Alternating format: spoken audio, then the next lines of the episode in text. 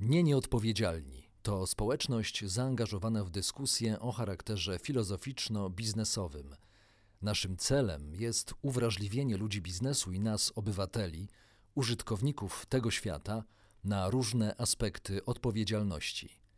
Zapraszamy na spotkanie z kolejnym autorytetem, który pomaga zrozumieć i zmieniać siebie, a także rzeczywistość na lepsze.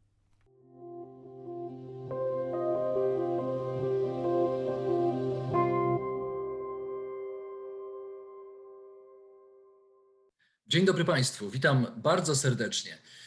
Chciałbym przywitać przede wszystkim mojego dzisiejszego gościa. Po raz kolejny będzie z nami pani profesor Agata Bielik-Robson, która kieruje zespołem do badań nad myślą postsekularną w Instytucie Filozofii i Socjologii Polskiej Akademii Nauk. Wykłada też w Katedrze Studiów Żydowskich na Uniwersytecie w Nottingham. Pani profesor, cieszę się bardzo, że wprost z kąpieli w Narwi e, trafia Pani do nas e, i będziemy rozmawiać o nowoczesności, a także po nowoczesności. Dzień dobry, witam Panią serdecznie. Dzień dobry, ja też witam serdecznie. Pani profesor, żeby e, opisać e, e, nowoczesność, wypadałoby w ogóle zadać sobie pytanie, co to jest, co to za termin, kto jest jego autorem, kim są autorzy, a być może to trudno nawet określić, że autorstwo nowoczesności przynależy do jakichś nazwisk, imion i nazwisk, ponieważ to my wszyscy, wszystkie panie, wszyscy panowie, którzy działali na świecie, są jej autorami. Więc y, gdzie jest prawda? No, tak jak powiedziałam, to jest y, strasznie skomplikowany temat, który wymagałby w ogóle osobnego wykładu, ale tak już zupełnie pokrótce. E, nowoczesność to jest okres, co do którego też e, różni teoretycy się spierają. Kiedy się zaczął, kiedy się skończył, a może się właśnie nie skończył, może trwa jeszcze nadal. No, w każdym razie są, powiedzmy sobie, trzy takie podejścia. E, jedno, e, które jest związane z nazwiskiem Hegla, czyli wielkiego niemieckiego filozofa z okresu idealizmu, to jest takie, że w zasadzie o można mówić dopiero z nastaniem Napoleona. E, i z, e, z przemianami XIX-wiecznymi, wtedy kiedy kodeks napoleoński rozpowszechnia prawa człowieka i obywatela. I, i to jest zdaniem myślicieli nastanie politycznej nowoczesności jako y, jakieś takie wyraźne echo rewolucji francuskiej. Czyli, ale to jest taka koncepcja, która nowoczesność dopiero w XIX wieku, czyli stosunkowo bardzo późno. E, innym z kolei e, myślicielem, inną propozycją jest e, Marx, który z kolei uważa, że nowoczesność to jest początek kapitalizmu, czyli lokuje modernitas, no, w epoce na przełomie XVI-XVII wieku, czyli e, okresu rewolucji e, przemysłowej. I tutaj jest nie Francja, tylko Wielka Brytania. Są jeszcze inni myśliciele, e, i ja się do nich zaliczam, którzy zwykle wyrastają właśnie z, z takiej dyscypliny filozofii religii. Mm, Tutaj właśnie Huizinga, autor Średniowiecza, Denis de Rougemont e, i kilku innych, Hegel zresztą też, e, którzy uważają, że początki nowoczesności można ulokować już w XII wieku. Czyli w ogóle jeszcze nawet zanim się rozpoczyna renesans włoski, że renesans to już jest w gruncie rzeczy pokłosie pewnych przemian zachodzących w ogóle w łonie właściwie religii chrześcijańskiej, ale też nie tylko chrześcijańskiej. Wkłada się do tego jeszcze e, myśl żydowska e, z kabałą.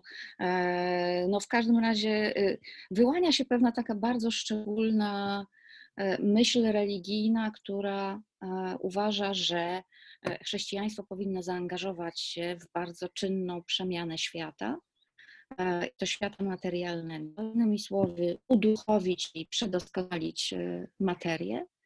E, I wiąże z tym pewną wizję nowej ery. W ogóle pojęcie nowa era wywodzi się właśnie z XII wieku, z proroctwa Joachima Fiore, kalabryckiego mnicha, który, który sądził, że właśnie nastanie nowa era, czyli nowa epoka, w której no właśnie wszyscy staną się chrześcijanami, E, nie będzie hierarchii, nie będzie kościoła, mm, e, nie będzie właściwie nawet potrzeby utrzymywania żadnego prawa, zapanuje równość, wolność i braterstwo.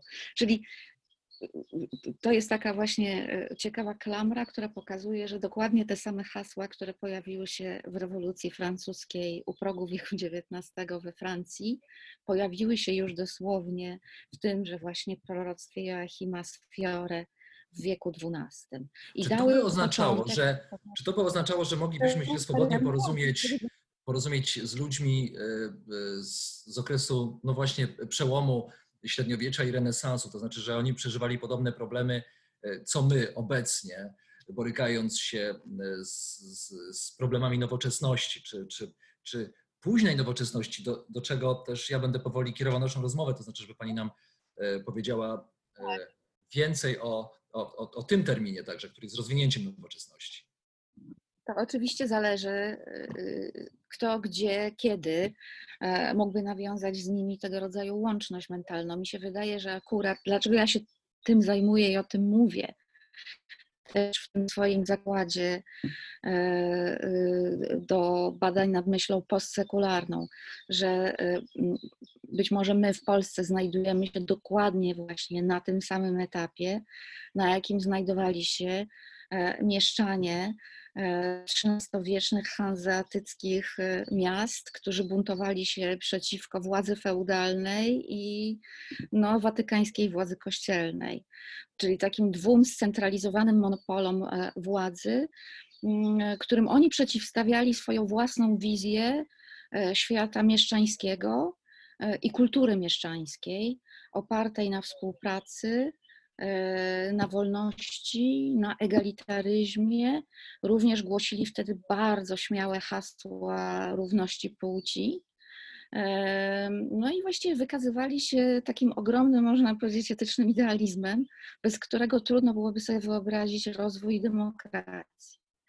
To właśnie w tych XIII-wiecznych, w XIII-wiecznych miastach, w których zresztą proroctwo Joachima szerzyło się e, na takiej e, miejskiej legendy, przekazywanej właśnie z ust do ust, E, w takich no, paraświeckich, a również parareligijnych organizacjach, jak e, właśnie spirytualsi, czyli Bractwa Wolnego Ducha, albo Gottesfreunde, czyli Przyjaciele Boga, którzy też eksperymentowali z nowymi zasadami liturgii, e, czytali tak zwaną właśnie wieczną Ewangelię Joachima, no i liczyli na nastanie nowej ery na nastanie nowej ery, czyli właśnie nowoczesności, gdzie będzie możliwa idea nowego życia. Stąd też inny termin, czyli właśnie nowożytność. W zasadzie wywodzący się oficjalnie z, z Dantego i z jego e, słynnego poematu Vita Nowa, ale tak naprawdę czerpiący jeszcze korzeniami wcześniej właśnie z tych, tych, tych rewolucyjnych ruchów późnego średniowiecza. Muszę Pani przyznać, że Pani kojący głos... Ja powiedziała, że jesteśmy na tym etapie, tak. My powinniśmy nawiązać mentalny kontakt, e, przeskoczyć właśnie te kilka wieków i nawiązać mentalny kontakt właśnie z hanzeatyckimi mieszczanami, co zresztą jakoś, jak widać w Polsce się dzieje, tak. Teraz zrobię taką szybką, szybką, szybkie nawiązanie do naszej obecnej kampanii prezydenckiej, ale właśnie no, y, y, skąd się bierze taki sukces e, Rafała Trzaskowskiego? No stąd, że on właśnie jest kimś w rodzaju takiego szefa Hanzy, uosabiającego sobą właśnie tą nową kulturę mieszczańską, e, właśnie tę wczesną nowoczesność i wszystkie jej wartości, no, które tutaj ścierają się z tym, co Marx określał właśnie jako stanowe i zakrzepłe i co, i co, i co broni właśnie tej takiej tradycji e, odwołującej się do różnego rodzaju monopolów władzy, tak? czy to feudalnej, czy kościelnej. Muszę Pani przyznać, że prawdopodobnie wtedy, kiedy powstaje to nagranie, to ruch w sieci jest bardzo duży, e, ponieważ czasami mamy problem z, z obrazem, ale Pani głos dociera do nas e, bez problemu i ten, tenże kojący głos daje nam poczucie tego, że właśnie uczestniczymy w od, odkrywaniu tego, czym jest nowoczesność, nowożytność, jak to się działo no właśnie w tych, w tych miastach hanzeatyckich wieki temu, że my możemy poczuć się złączenie ideowo z, z mieszkańcami tych, tych właśnie renesansowych metropolii. E, wspomniała Pani o Marksie, który pisał o, o, o, tym, że nowoczesność zaczyna się wtedy, kiedy wszystko traci swój stały status, staje się lotne. Zygmunt Bauman znowu pisze o, o płynnej nowoczesności. Moglibyśmy jeszcze, jeszcze, jeszcze szukać innych nazwisk już nam bliższych, które by opisywały kolejne stadium nowoczesności, jak ja mogę, jak ja mogę wnioskować. Zgadza się? Czy, czy możemy już przejść płynnie do późnej nowoczesności? Czym ona jest? Jak ją można opisać? No właśnie późna nowoczesność to jest taka bałwanowska płynna nowoczesność. I teraz właśnie można zadać sobie pytanie, czy też właśnie na jakim etapie znajduje się Polska, na jakim, jakim etapie znajduje się zachodni świat. Oczywiście Polska jest na peryferiach tego zachodniego świata, ale na peryferiach. Tu trzeba wprowadzić jeszcze, y, jeszcze inne rozróżnienie między tak zwaną modernizacją centralną, a modernizacją peryferyjną. To są dwa bardzo różne procesy. I my często popełniamy w Polsce błąd, wpisując się albo próbując się wpisać po prostu w, tej, w ten nurt tak zwanej modernizacji centralnej, która e, po pierwsze no, zachodzi właśnie w, w krajach zachodnich i to głównie zachodniej północy, e, Nieprzypadkowo wymieniłam hanzeatyckie miasta i kulturę mieszczańską późnego średniowiecza i wczesnego renesansu to tam tak naprawdę wytwarza się ferment protoreformacyjny, który doprowadzi no właśnie do e, demonopolizacji władzy kościelnej i powstania zupełnie nowej formuły chrześcijaństwa, którą Hegel właśnie nazywał chrześcijaństwem nowożytnym, e, czyli takim, które e, no właśnie zniosło ścisłą hierarchię i postawiło przede wszystkim na władzę egalitarnej wspólnoty. wspólnoty. Więc mm, trzeba sobie to powiedzieć jasno, że tak zwana centralna modernizacja, czyli główny nurt modernizacyjny, on idzie przez kraje protestanckie. Czyli to tam zachodzi tak zwana sekularyzacja, e, czyli odebranie, przede wszystkim sekularyzacja pierwotnie znaczy odebranie e, władzy e, feudalnemu kościołowi. I przekazanie dóbr kościelnych e, wiernym. To jest pierwotne znaczenie słowa sekularyzacja i to zachodzi na całym obszarze świata protestanckiego. A oczywiście potem sekularyzacja nabiera bardziej metaforycznego znaczenia, to znaczy e, to po prostu oznacza, że chrześcijaństwo staje się światowe. Chrześcijaństwo przenika do świata. Chrześcijaństwo po prostu kształtuje wartości, którymi żyjemy na co dzień, staje się po prostu kształtem E, życia codziennego. Tak jak w ogóle protestantyzm bardzo docenia życie codzienne, e, codzienny wymiar pracy zwykłego człowieka, tak właściwie całe to chrześcijaństwo staje się ramą dla tego nowego świata. To jest ten sekularyzm, to jest światowość. Więc, żeby zrozumieć te wszystkie przemiany, tak naprawdę trzeba być protestantem. Nie ma rady. Nawet Francja, e, która E, za sprawą Napoleona usiłowała wpisać się w główny nurt procesów modernizacyjnych i jest w istocie już pierwszym peryferium, dlatego że pozostała katolicka, a po obaleniu katolicyzmu w zasadzie stała się laicka. Jest ogromna różnica między laicyzmem a sekularyzmem. Kraje protestanckie przechodzą proces sekularyzacji. Kraje katolickie albo pozostają katolickie, albo przechodzą proces laicyzacji gdzie tak naprawdę następuje właśnie coś w rodzaju takiego drapieżnego starcia między kulturą chrześcijańską a kulturą zwaną świecką. Tego nie znają protestanckie, gdzie chrześcijaństwo samo stało się światowe, czyli w tym sensie samo stało się świeckie. Ale podkreślam, że to one stanowią rdzeń procesu modernizacyjnego. Wszystko poza tym to już są peryferyjne okręgi. No i teraz Polska rzeczywiście jest gdzieś dosyć daleko na obrębie tych, tego peryferium modernizacyjnego. No i, i ze względu na to, że, e, że jej katolicyzm trzyma się bardzo mocno i nie jest to absolutnie e, katolicyzm renesansu czy katolicyzm protoreformacji, taki jak znamy z kultury nadrańskiej XIII wieku. To jest katolicyzm trydencki, to jest katolicyzm kontrreformacyjny, czyli w gruncie rzeczy bardzo tradycjonalistyczny i już antynowoczesny, świadomie antynowoczesny. E, to sprawia, że no właśnie Polska nie tylko jest na peryferium procesów modernizacji, ale też stawia modernizacji kulturowo bardzo, bardzo, bardzo silny opór.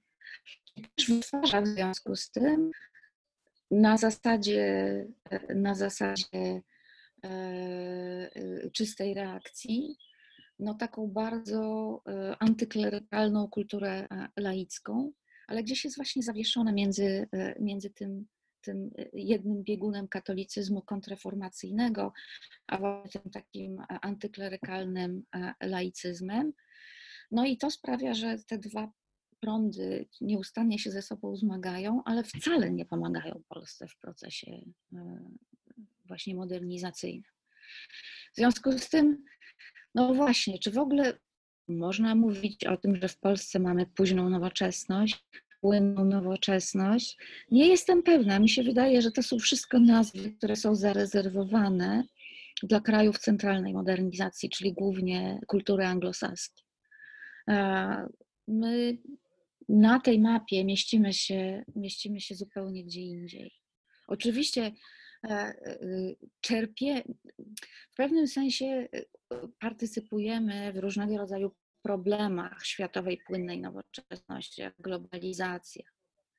Ale to, w jaki sposób ona dociera do nas, jakim echem, to nie jest dokładnie to samo zjawisko, co nie wiem, w Wielkiej Brytanii, czy w Stanach Zjednoczonych, czy w Niemczech, czy w Skandynawii. Z tego powodu, czy z tego powodu, czy z tego powodu my y, borykamy się z innymi problemami niż, e, niż ludzie żyjący w późnej nowoczesności. No właśnie chociażby te procesów globalizacyjnych, których doświadczają w mhm. postaci naprawdę pandemii na szeroką skalę, czy, e, czy, czy chociażby w systemach finansowych, możliwości wiem, inwestowania na całym świecie, ale też podleganiu kryzysom, potężnym kryzysom finansowym, e, czy też e, mm, no, bardzo dużej otwartości na inne kultury i, i, i wpływania e, tych kultur na siebie. Czy w związku z tym my doświadczamy innych problemów i na czym te problemy polegają? Ja bym powiedziała tak, że, że Polska jest kulturą wielu prędkości. I, I, to jeszcze dodatkowo utrudnia analizę tego, co się tutaj dzieje, bo, bo e, zupełnie inaczej e, funkcjonuje Polska jako młody kraj kapitalistyczny, który został już włączony w obręb kapitalizmu globalnego, a zupełnie inaczej wygląda Polska jako kraj tradycjonalistyczny, właściwie w całości zapędzony do ołtarza, e, gdzie jak ja tutaj na przykład, no nie wiem, mijam w niedzielę wiejskie parafie, to mam wrażenie, że nic się od XVIII wieku nie zmieniło.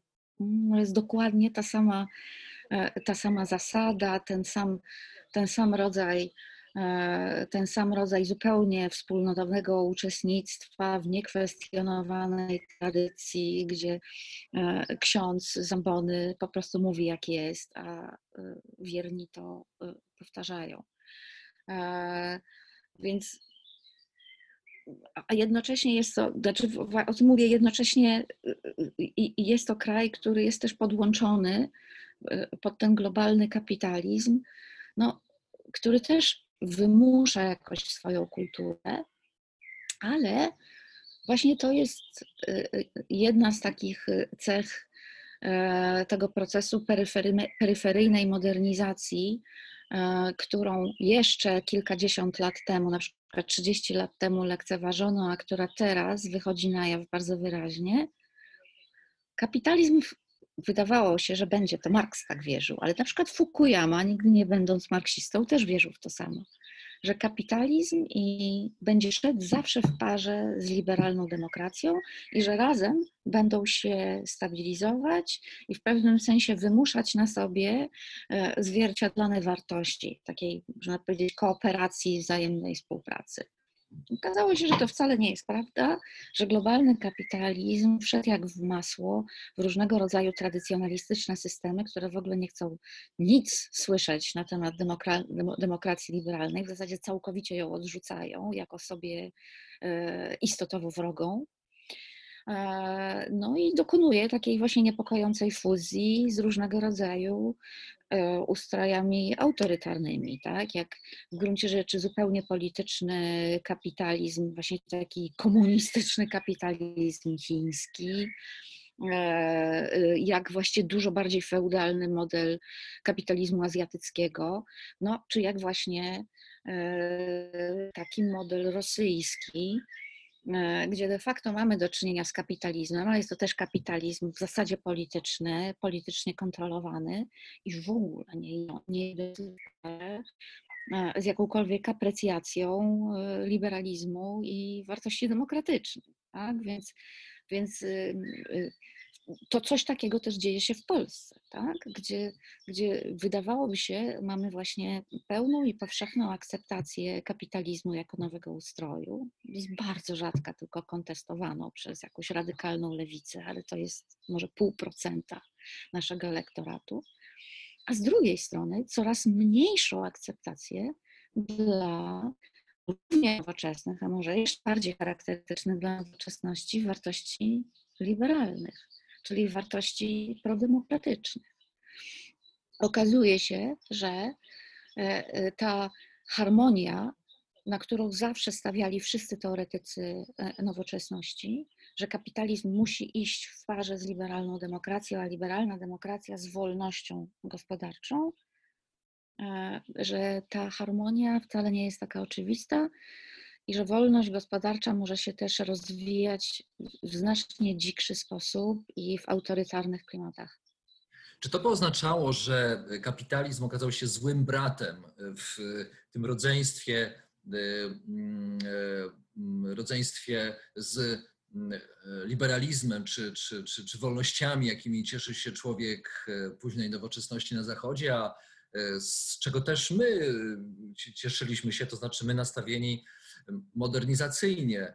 Myślę tutaj o, o no przede wszystkim o, o, mm, indywidualności, o indywidualizmie jako, jako mm, no jakby podstawy podmiotowości. To znaczy, czy właśnie, czy, czy e, mm, podmiot, który nie zaistniał, nie, przeszkodził kapitalizmowi, czy właśnie o to chodzi, że on nie zaistniał, dlatego mu nie przeszkodził. Jak, jak o tym pomyśleć? No, trzeba znów pomyśleć o tym historycznie. To znaczy, e, kapitalizm i kapitalizm po prostu się teraz trochę zerwał z łańcucha, można powiedzieć. Znaczy, to jest to, jest to co Bauman też mówi na temat płynnej nowoczesności, że, że globalna, globalizacja dla kapitalizmu oznaczała zerwanie z tego łańcucha e, zachodnich norm demokratycznego szacunku dla jednostki, praw człowieka itd. Tak itd. Tak on się trzymał tego łańcucha dopóty, dopóki użył klasie mieszczańskiej, czyli średniej. Kapitalizm pojawia się w no, XV-XVI wieku, chociaż oczywiście ma już swoje E, swoją antecedencję w tych e, hanzeatyckich miastach, które zaczynają eksperymentować z ideą wolnego handlu. No ale tak naprawdę kapitalizm właśnie jako rewolucja przemysłowa to jest kwestia wieku XVI-XVII e, i, i, i on, nie, on, on powstaje jako w gruncie rzeczy taki rewolucyjny wyraz klasy średniej, która stawia na jednostkę, stawia na jej pracowitość, stawia na jej osobiste talenty i mówi: Pochodzenie się nie liczy, najważniejsze jest fair trade and opportunity, czyli po prostu możliwość wolnego handlu oraz okazja. Tak? To jest słynne hasło Cromwella, y, z którym mieszczańscy Purytanie y, wszczęli bunt y, przeciwko brytyjskiej monarchii.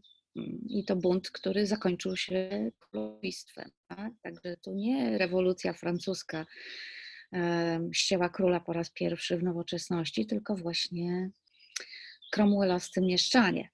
E, I kapitalizm, no właśnie, był jakby częścią tego pakietu. Był częścią pakietu emancypacyjnego, wolnościowego, w którym wolność gospodarcza szła również w parze z wolnością polityczną. Tego właśnie, żeby klasa średnia mogła zaistnieć jako ważne ciało polityczne, a do tego trzeba było powołać parlament, yy, trzeba było umieścić tam właśnie trzeci stan i tak dalej. E, więc póki kapitalizm był związany właśnie z tym emancypacyjnym ruchem klasy średniej e, i jej taką asertywnością, można powiedzieć, e, no, Puty był ok, tak? To znaczy właśnie sprzyjał tym pronowoczesnym, prodemokratycznym przemianom. No ale od kiedy właściwie, a to są już właśnie przemiany ostatnich kilkudziesięciu lat, kapitalizm stał się tym turbokapitalizmem, który jest przede wszystkim kapitalizmem spekulacyjnym, giełdowym, kapitalizmem no, w zasadzie E, w którym, no nie wiem, no jednostka już przestaje się liczyć jako taka. Nie, nie powiedziałam, że liczy się tak jak u Majakowskiego partia milionopalca, ale tak naprawdę to jest korporacja, która już działa w ten sposób. Tak? Te gigantyczne korpy, które są absolutnie ponadjednostkowymi ciałami i które w gruncie rzeczy nie cenią sobie indywidualizmu gospodarczego. E, który jest już właśnie traktowany jako coś w rodzaju właśnie, to jest kontrowersja, to jest chuligaństwo. Po co nam właściwie jednostki, e, które nonkonformistyczne jednostki buntujące się przeciwko, e, przeciwko systemowi w imię jakiejś wolności? Korpy są absolutnie antylibertariańskie. I, i no nie wiem, już nawet na u progu XX wieku filozof amerykański John Dewey właściwie mówił o czymś takim jak o socjalistycznym kapitalizmie. Wydawałoby się, że to jest drewniane żelazo, ale jego zdaniem właśnie kapitalizm korporacyjny czymś takim właśnie był. Jest. Więc e, ten indywidualizm zanika, e, on jakby kapitalizm już na niego więcej nie stawia, nie jest nim zainteresowany. No i pojawia się właśnie ten taka, ta, taka globalizacja, w której, której jednostka całkowicie, całkowicie zanika. E, pojawiają się abstrakcyjne jakieś prawa, e, prawa udziałowców, e, które też zaczynają jakby działać ponad prawem jednostki, nierzadko gwałcąc te prawa. Tak? W tym sensie kapitalizm, mówię, zerwał się z łańcucha tych, tych cywilizowanych wartości prodemokratycznych. No i e, tutaj trzeba oddać słuszność lewicowej krytyce e, e, późnej, płynnej turbonowoczesności, że on już właściwie tej cywilizacji bardzo często nie sprzyja, a nawet można powiedzieć, czyni klasę średnią swoją główną ofiarą. Pani profesor, czy zanegowanie indywidualizmu, zanegowanie jednostki oznacza no właśnie odejście od, wyalienowanie się z tych wartości, które klasa średnia początków kapitalizmu, e, którym hołdowała? E, no, zawierał się z, z, pewnością tutaj jakiś dekalog etycznych zachowań, prawda? Czego, czego wolno, czego nie, były jakieś granice. Czy, czy to oznacza, że my już tych granic się pozbyliśmy? Mm, no właśnie to, to, to jest ta, to są te dzisiejsze dylematy tak zwanej etyki biznesu. Ja nie twierdzę, znaczy daleko mi jest do zupełnie takich radykalnych krytyk dzisiejszego kapitalizmu, jakie uprawia taka nieprzejednana radykalna lewica. Mówię, że coś tam jest na rzeczy,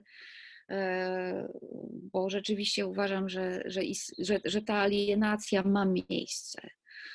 I że w ogóle kapitalizm stał się rzeczywiście w dużej mierze, mówiąc po prostu, totalnie nieludzki. I, i że, że w zasadzie to, co Bauman nazywał tak zwanym światem pracy, jest zupełnie niereprezentowane i w kompletnym zaniku wobec jakiejś niekontrolowalnej woli managementu, który rzeczywiście jest całkowicie wyobcowany od, od ludzi im podległych. E, rzeczywiście taka maksowska diagnoza, że właściwie wszyscy jesteśmy proletariuszami, e, teraz trochę się sprawdza w tym korporacyjnym kapitalizmie. To znaczy, póki nie jest się członkiem managementu, tej kasty właśnie menedżerskiej, i tylko jest się zwykłym pracownikiem, tak jak na przykład ja, szeregowa profesorka brytyjskiego uniwersytetu, który się całkowicie już zamienił w, w korporację, no to ja jestem proletariuszką i jestem tak traktowana. W każdej chwili można mnie usunąć, w każdej chwili można mnie się pozbyć. E, management podejmuje decyzje, na które my nie mamy żadnego wpływu. W tym sensie rzeczywiście to jest właśnie ta, ta, to, o czym mówimy. To jest prekaryzacja klasy średniej, która przestaje być klasą średnią, staje się tak naprawdę nowym proletariatem. E, być może y, dzisiaj w zasadzie definicję klasy średniej trzeba przesunąć właśnie do managementu. Tak? Że to są tylko ludzie managementu oraz najwyżsi beneficjenci e, systemu kapitalistycznego, że to jest może nowa klasa średnia, ale ich nie jest znowu aż tak dużo a reszta to po prostu zwykli prole. No więc w tym sensie e, rzeczywiście z tą etyką zaczyna być trochę problem. Kiedyś faktycznie kapitalizm to także był wyraz etyki protestanckiej. Pięknie pisze o tym Max Weber, prawda? w takim absolutnie swoim klasycznym dziele e, o ascezie protestanckiej e, jako wewnętrznym duchu kapitalizmu właśnie kapitalizmu e, jako, jako ruchu społecznego, który nie jest tylko i wyłącznie czysto ekonomiczny, gdzie ekonomia jest także wyrazem pewnej duchowej postawy, tak zwanej ascezy wewnątrzświatowej, e, za którą szły oczywiście różnego rodzaju zobowiązania. Tak? E, Purytanie na całym świecie Dziś twierdzi się, że głosili jakiś dziki indywidualizm. Nieprawda. Byli to najbardziej prawspólnotowi ludzie, którzy stworzyli wspaniałe miasta. Wystarczy wybrać się na wschodnie wybrzeże Ameryki, żeby zobaczyć wszystkie New Haven, New Covenants, New Jerusalems i tak dalej. Wszystkie mają właśnie te nieprzypadkowo religijne, profetyczne nazwy, żeby zobaczyć, jak wspaniale Purytanie budowali sferę publiczną. Tak? Z kapitalizmem kiedyś wiązała się ca cały etyczny system wartości i zobowiązań. Dziś to wszystko gdzieś przepadło. A korpy opowiadają coś o tym, że są zaangażowane w walkę z klimatem, ale czy można temu wierzyć? No właśnie nie wiem. Ja mam coraz większe wątpliwości co do tego, czy istnieje przedmiot dyscypliny zwanej etyką biznesu. Zastanawiam się teraz nad tym, jak e, ta klasa, mm, była klasa średnia, a teraz e, prekariat, e, który Pani wskazała, jakie ma strategie przetrwania, to znaczy, jakie my właściwie mamy strategie przetrwania i czy należy to rozpatrywać właśnie w, w takich kategoriach. To znaczy, każdy już myśli o sobie, żeby w tym zimnym świecie płynnej nowoczesności, turbokapitalizmu, wielkich rynków światowych, żeby znaleźć dla tak. siebie jakąś niszę i przetrwać. E, I jakie są szanse na to, żebyśmy z powrotem stali się e, grupami lokalnymi, żebyśmy się stali społeczeństwem? Czy ze strony polityki może przyjść odpowiedź na, na, na to pytanie? To nie jest łatwe pytanie i ja nie mam gotowej odpowiedzi. Znaczy, jest, optymizm walczy u mnie z pesymizmem. Znaczy, pesymizm intelektu, optymizm woli, jak mawiał Antonio Gramsci. I rzeczywiście moje, no moje doświadczenia y, z brytyjskiej korporatyzacji życia akademickiego są bardzo negatywne. To znaczy, e, y, my rzeczywiście jako, jako ten proletariat akademicki, ja wiem, że to brzmi idiotycznie, ale naprawdę tak to wygląda w tej chwili, e, mamy coraz mniejsze szanse oporu wobec managementu, który podejmuje wobec nas zupełnie wyalienowane i sobie tylko wiadome decyzje. Zupełnie jak taki Bóg, który po prostu chodzi własnymi drogami. E, I teraz tak, no, e, co można zrobić? No, ja bym powiedziała tak, politycznie rzecz biorąc, trzeba wspierać socjaldemokrację. E, to może być nawet socjalliberalizm. W Polsce to jest, to jest, to jest jakby cała, cała paleta takich postaw prospołecznych, które niekoniecznie muszą być antykapitalistyczne. Ja uważam, że wystarczy być przeciwko tej formule kapitalizmu, która nastała, natomiast absolutnie niepotrzebny jest y, y, taki totalny radykalizm, który mówi, że w ogóle kapitalizm jako taki to, y, to czyste zło. Nie, kapitalizm jest naprawdę dosyć płynną formułą i ona funkcjonuje inaczej mm, w krajach socjaldemokratycznych, tak jak Skandynawia, E, a inaczej w krajach, w których na przykład cały ten wymiar prospołeczny został kompletnie odpuszczony, jak w Stanach Zjednoczonych, tak? gdzie on rzeczywiście przybiera e, już e, naprawdę dzikie i niepokojące formy. Więc ja bym powiedziała, że to jest cała taka paleta postaw od, od socjaliberalizmu, który oczywiście mówi tak, indywidualizm, wolność gospodarcza, kontrola nad podatkami, tak, nie przesadzajmy z tym, z tym e, dowartościowanie przedsiębiorczości i tak dalej, i tak. No ale jednak no też czuwa nad światem pracy. Ja myślę, że, że, że to jest w tej chwili w ogóle najważniejsza refleksja w łonie socjaldemokracji, że oczywiście e, socjaldemokracja nie polega na tym, że zwalcza kapitalizm, zawsze do tej pory zajmowała się tylko redystrybucją. Czyli mówiła, nie chce ten kapitalizm nam robi co chce, ważne, żeby tylko płacił podatki, odprowadzał coś do budżetu, z, z czego potem następuje e, rozdział. Wydaje mi się, że to dzisiaj nie wystarcza, dlatego że e, naprawdę jesteśmy coraz bardziej nieszczęśliwi w korporacyjnym świecie. Że jesteśmy coraz bardziej nieszczęśliwi jako, jako ten świat pracy właśnie poddany takiemu zupełnie niekontrolowanemu e, e, zarządzaniu, e, managementowi, który moim zdaniem stał się kompletnie nieludzki. To tutaj teraz powinna powinna gdzieś ta nasza główna refleksja prospołeczna e, działać, która moim zdaniem jednocześnie i uleczy demokrację, i uleczy e, liberalizm, i uleczy kapitalizm. E, to jest, to jest bardzo konkretne i szczególne działanie. Ja bym powiedziała tak, no oczywiście ukrócić po prostu te, te działania managementu. Uważam też, że w ogóle ja też to widzę po, po y, uniwersytecie, w którym uczę, który ma ogromny wydział zarządzania, Business and Administration, że właściwie większość rzeczy, których studenci są tam uczeni, to jest po prostu wprost złe i niemoralne. To jest, to jest, to jest tam studenci są po prostu uczeni yy, yy, bezwzględnie eksploatacji tak zwanych zasobów ludzkich, czyli nas, pracowników.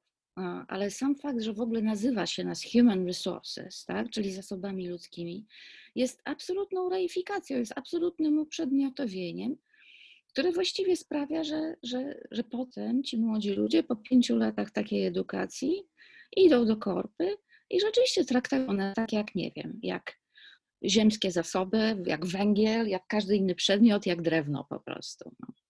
I, i, I to tak naprawdę jest, powiedziałabym, w dzisiejszym późno nowoczesnym świecie e, korporacyjnego kapitalizmu największym źródłem nieszczęścia.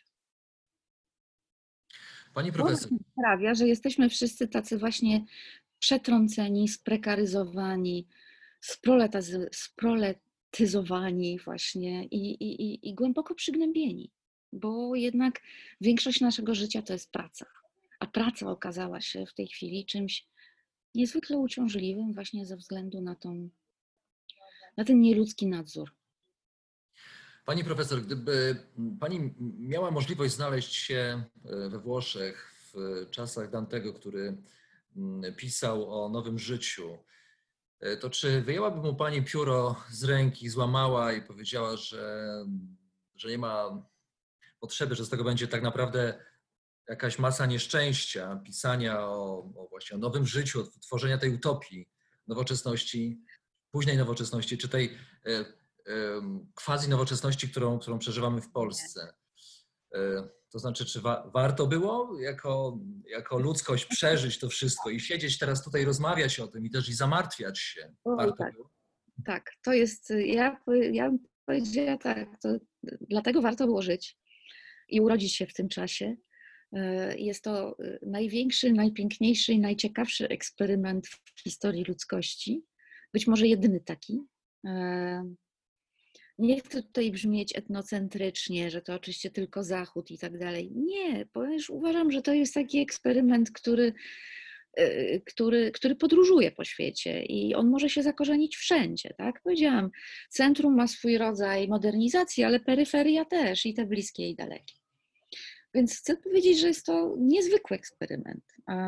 I, i, I to eksperyment, który ma, właśnie tak jak próbowałam powiedzieć na początku, wymiar i świecki, i religijny jednocześnie. Że, że to jest coś, czego Polacy w ogóle nie rozumieją, właśnie przez to, że są tacy zmasakrowani przez ten trydencki katolicyzm. Że, że nowoczesność ma wiele że nowoczesność jest wręcz rodzajem wiary, że ona się narodziła jako wiara, bo narodziła się jako przepowiednia właśnie nowej epoki, w której wszyscy ludzie będą braćmi. E, ten tekst, który znamy z Ody do Radości, napisany przez Schillera, jest wprost cytatem z Joachimickiego proroctwa. Tak? Wszyscy ludzie będą braćmi. To, była, to było piękne przeczucie, to była piękna wizja właśnie nowego życia, wolnego, wyemancypanego, przyjaznego i światu, i innym, i cieszącego się, cieszącego się po prostu, cieszącego się życiem. E, no, wizja, która, e, która znalazła pełne usankcjonowanie i w Starym, i w Nowym Testamencie. Tak? Okazała się po prostu całkowicie zgodna z judeochrześcijańskim objawieniem. Tak to też zresztą zrozumieli e, i ci właśnie e, mieszczanie hanzeatycy z tych różnych dziwnych sekt chrześcijańskich, protoreformacyjnych i potem, potem protestanci. Więc kiedy ja mieszkam w Anglii i rozmawiam z ludźmi na temat nowoczesności, a ja uczę na Wydziale Teologicznym, to wszyscy ci chrześcijańscy, protestancy, e, teologowie, od nonkonformistów po, e, po ten tak zwany high church, e, czyli już prawie że katolicką odmianę kościoła anglikańskiego, oni wszyscy uważają nowoczesność za coś absolutnie zgodnego z duchem chrześcijaństwa, a nie idącego wbrew. Tak jak to u nas nieustająco usiłuje to przedstawiać e, tradycjonalistycznie nastawiony, bardzo trydencki e, kościół, tak? który jakby zastygł w przysiędze antymodernistycznej e, Piusa. Tak? I, i i ja myślę, że też część też moich badań i, i, mojego wysiłku idzie w tę stronę, żeby pokazać, że, że, y, że, że Polacy, mimo wszystko jednak chrześcijanie, nie muszą przechodzić reformacji, broń Boże, żeby, żeby zrozumieć, y, y, na czym tak naprawdę polega nowoczesność i też zalety nowoczesności z religijnego punktu widzenia. Tak? Nie muszą jej odrzucać. Nie muszą jej odrzucać. Mogą ją przyjąć jako właśnie no właśnie część tego, część tego dwunastowiecznego proroctwa, które no moim zdaniem się pięknie zrealizowało. No, to, że, to, że my teraz, no, w każdej, każda epoka ma swoje, e, ma swoje kłopoty. I, I oczywiście, no, ja może zabrzmiałam dosyć przygnębiająco i pesymistycznie wcześniej, ale no, chcę powiedzieć tylko tyle, że broń Boże, wszystkie te problemy nie świadczą o tym, że należałoby z eksperymentem nowoczesnym zakończyć. Wręcz przeciwnie. Trzeba ciągnąć dalej, tylko właśnie naprawić, e, e, naprawić pewne szkody, e, które, no można powiedzieć, one nie są przypadkowe, tak? To znaczy, pamiętajmy o tym, co zawsze mówił Marx na temat kapitalizmu. Sam nie będąc aż takim całkowitym krytykiem kapitalizmu, jak go potem przedstawiono. E, Natomiast on po prostu mówił jedno: w kapitalizmie pojawia się zawsze problem uprzedmiotowienia e, jednostki. I w tym sensie, na tym właśnie to jest to, co, to jest to, co on nazwał antynomią życia mieszczańskiego. Tak? Taką sprzecznością w wartościach bytu mieszczańskiego, że z jednej strony mieszczanin no, wchodzi właśnie na scenę dziejową e, z całym swoim emancypacyjnym, rewolucyjnym wyobrażeniem życia pojedynczego, wolnego, no właśnie przyjaznego innym, otwartego na innych, wolne, właśnie, gdzie tak jak mówi Kant, wszyscy jesteśmy celami dla siebie i nigdy się nie uprzedmiotawiamy, tak? Nigdy nie wolno potraktować innej osoby jako, jako przedmiot. A z drugiej strony pojawia się kapitalizm jako pewna dosyć bezwzględna formuła życia ekonomicznego, gdzie ta pokusa właśnie eksploatacji ludzkiego zasobu jako przedmiotu nieustannie się pojawia. Tak? I tu Marx miał rację, to jest antynomia życia mieszczańskiego i ja nie mówię, że są łatwe rozwiązania tego, ale y, no, musimy sobie z tym radzić, ale musimy też jakby ciągle krytycznie y, się temu przyglądać.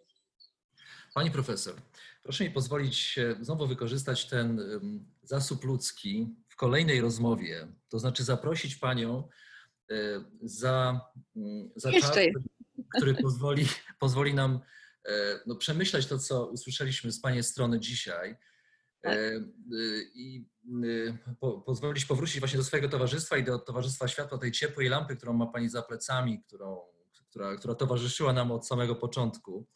A chciałbym e, poprosić Panią wtedy o rozmowę dotyczącą tego, jak daleko sięga Pani za horyzont zdarzeń, to znaczy dokąd, dokąd my zmierzamy, bo e, mogę się spodziewać, że takie myśli Pani Profesor ma e, i chętnie po prostu usłyszelibyśmy o, o, o tym naszym świecie, można i nawet powiedzieć, że mm, postapokaliptycznym, jaki, jaki przyszło nam przeżywać teraz. E, Sprawa koronawirusa to, to jest jakiś wymiar e, właśnie postapokalipsy. Tak, tak? Przynajmniej ja, ja to e, odbieram, przynajmniej ostatnio tak zacząłem o tym myśleć. Nie jest jeszcze chyba tak źle. No. Nie, Jeszcze się, nie jest. choć- Tak, tak. choć rzeczywiście w Ameryce już są takie, takie fragmenty świata, które rzeczywiście przypominają Mad Maxa. Więc y, A na razie bardzo dziękuję za rozmowę.